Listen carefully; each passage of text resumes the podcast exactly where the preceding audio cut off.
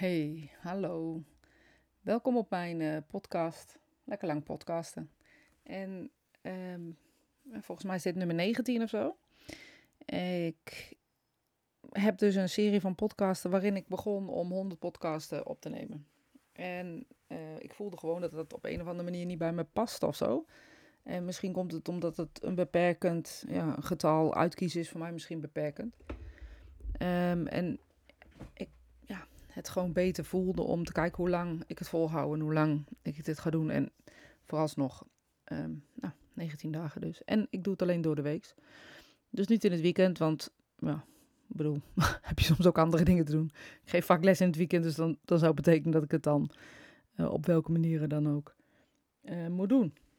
Nou, dan is er altijd zo'n onderwerp wat dan zo, zo in mijn hoofd blijft zuizen. Dat ik dacht, oh ja, daar kan ik wel een podcast over maken. Nou, in dit geval is het dus eigenlijk heel simpel. Um, het antwoord super complex en ingewikkeld, maar de vraag, uh, of in ieder geval de stelling die een beetje door mijn hoofd de hele tijd heen schoot, uh, was dat mensen best aan mij vaak, heel vaak eigenlijk vragen: ja, maar als iemand geleefd he heeft, gaat hij dan ook naar de spirituele wereld in liefde? Als iemand geleefd heeft in een moordend bestaan, um, mensen verkracht heeft, of weet ik veel wat. Hoe gaan die dan naar de spirituele wereld? Want als daar alleen maar liefde is, kan je er dus lekker los op losmoorden. En op los verkrachten. ik weet niet of dat een goed woord is. Um, want dat maakt niet uit, want je gaat naar de spirituele wereld en daar is alles love and light. Dus als je hier maar aandoet, dan uh, ja, niks aan het handje zou je denken. Um, ik denk ook, heel eerlijk gezegd, dat vanuit deze vragen, vanuit deze wetenschap, de, de hel, die volgens mij, um, iemand vertelde van de week in, in, uh, in het afscheiden van de twee kerken in 800, 800 zoveel, uh, is de hel pas bestaan. Dus weet ik het, uh, 830 of zo, weet ik veel wat hebben ze een soort uh, conferentie gehouden met kardinalen onder elkaar en bedacht hoe ze dit principe vorm moesten geven. En ze hebben een soort, nou ja, soort, net zoals wij nu bij het parlement hebben, heel lang erover gepraat totdat ze tot een conclusie kwamen. En dat we een nieuw kabinet moeten vormen. Nee, even zonder dolle, maar dat ze tot, tot de conclusie kwamen um, dat, dat, dat, ze dus, nou ja, dat ze dus een hel gingen bedenken. of in ieder geval uh, iets bedenken waardoor mensen in de perken bleven. Heel kort de bocht. Het is een heel lang verhaal, maar heel kort de bocht. Zijn ze dus met elkaar gaan zitten um, en, en daar dus een conclusie opgetrokken. Wat daarvoor aan af is gegaan, dat kan ik je helaas niet vertellen, want dat weet ik niet. maar ik vermoed en ook wel dat wat de spirituele wereld in de afgelopen tijd verteld heeft, dat het door mensen bedacht is.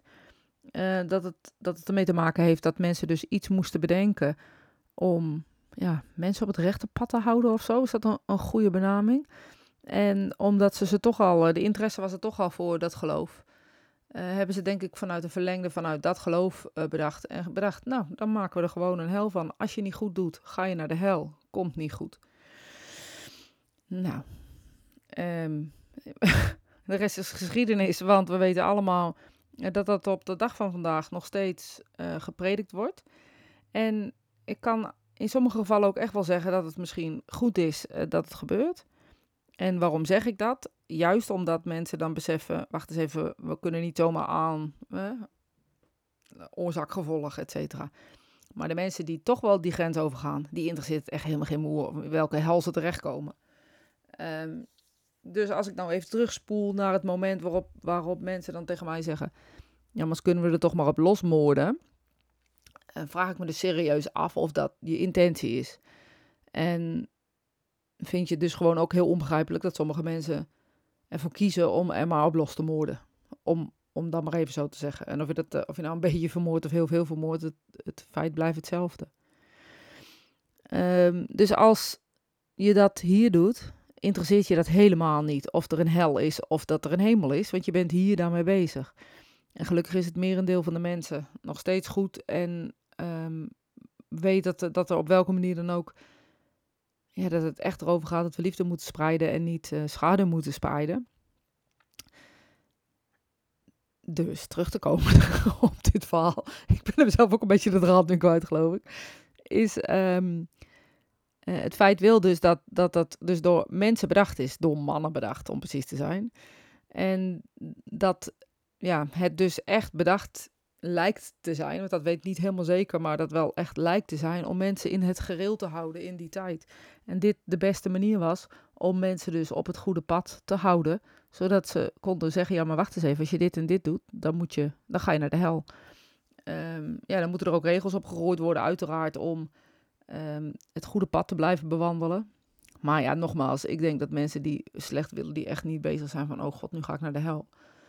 Uh, eerder mensen die bijvoorbeeld een snoepje uit de snoeppot van hun moeder stelen en denken, oh god, nu ga ik naar de hel. Weet je, dat, dat, dat stuk, dus mensen die al sowieso dat oorzaak-gevolg hadden, die voelen zich daar door aangesproken.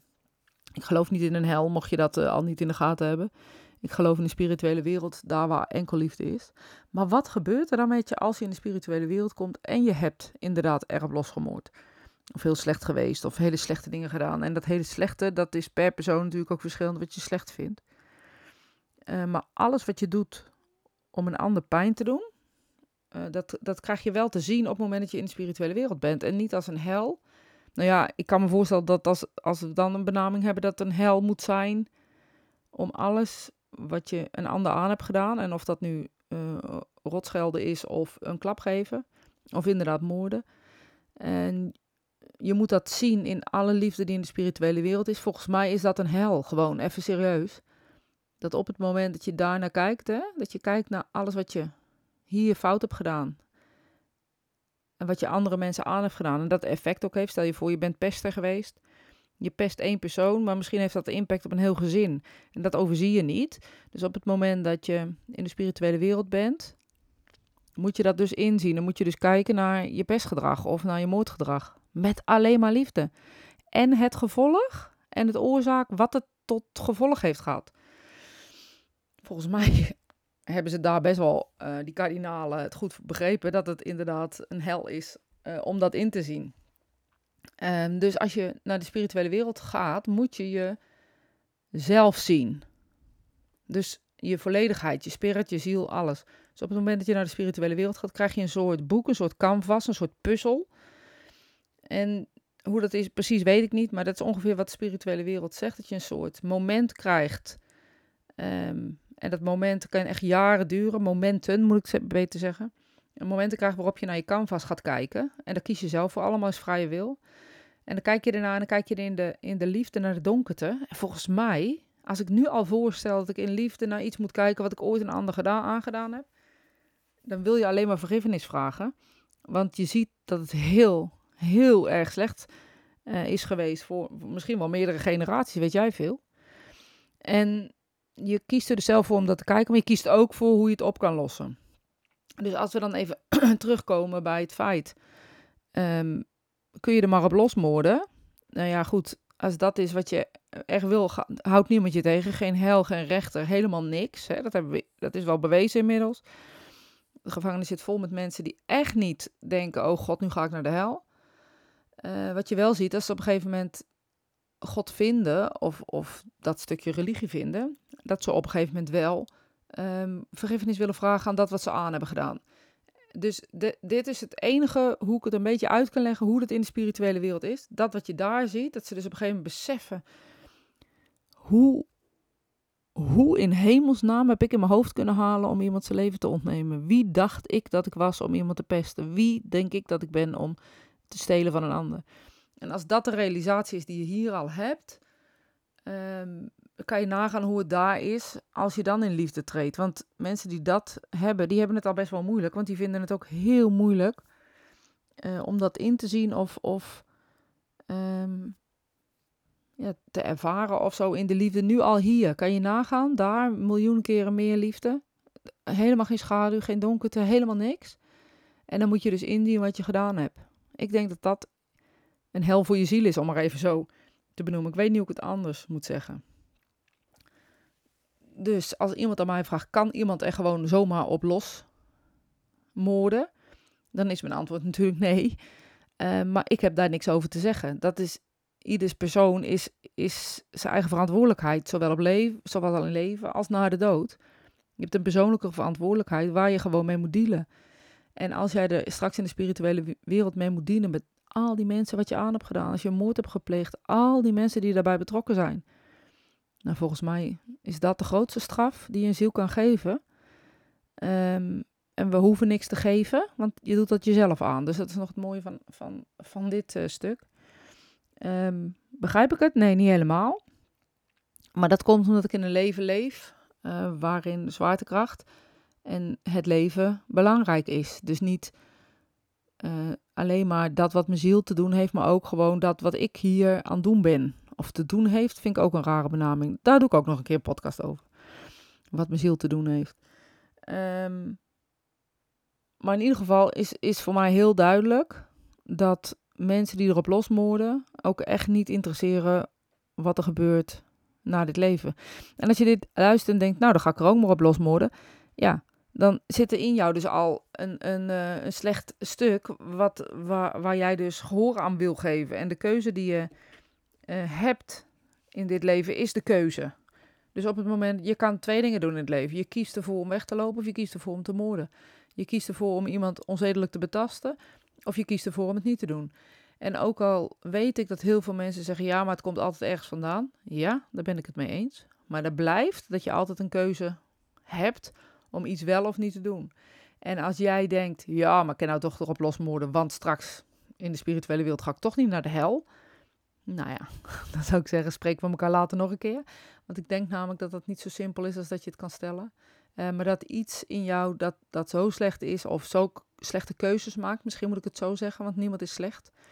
Zulke slechte keuzes maakt, echt niet nadenkt over uh, die hel op dat moment. Um, ja, was, dat maar, was het maar zo'n feest. Dus uh, kunnen we erop losmoorden? Doe maar even niet.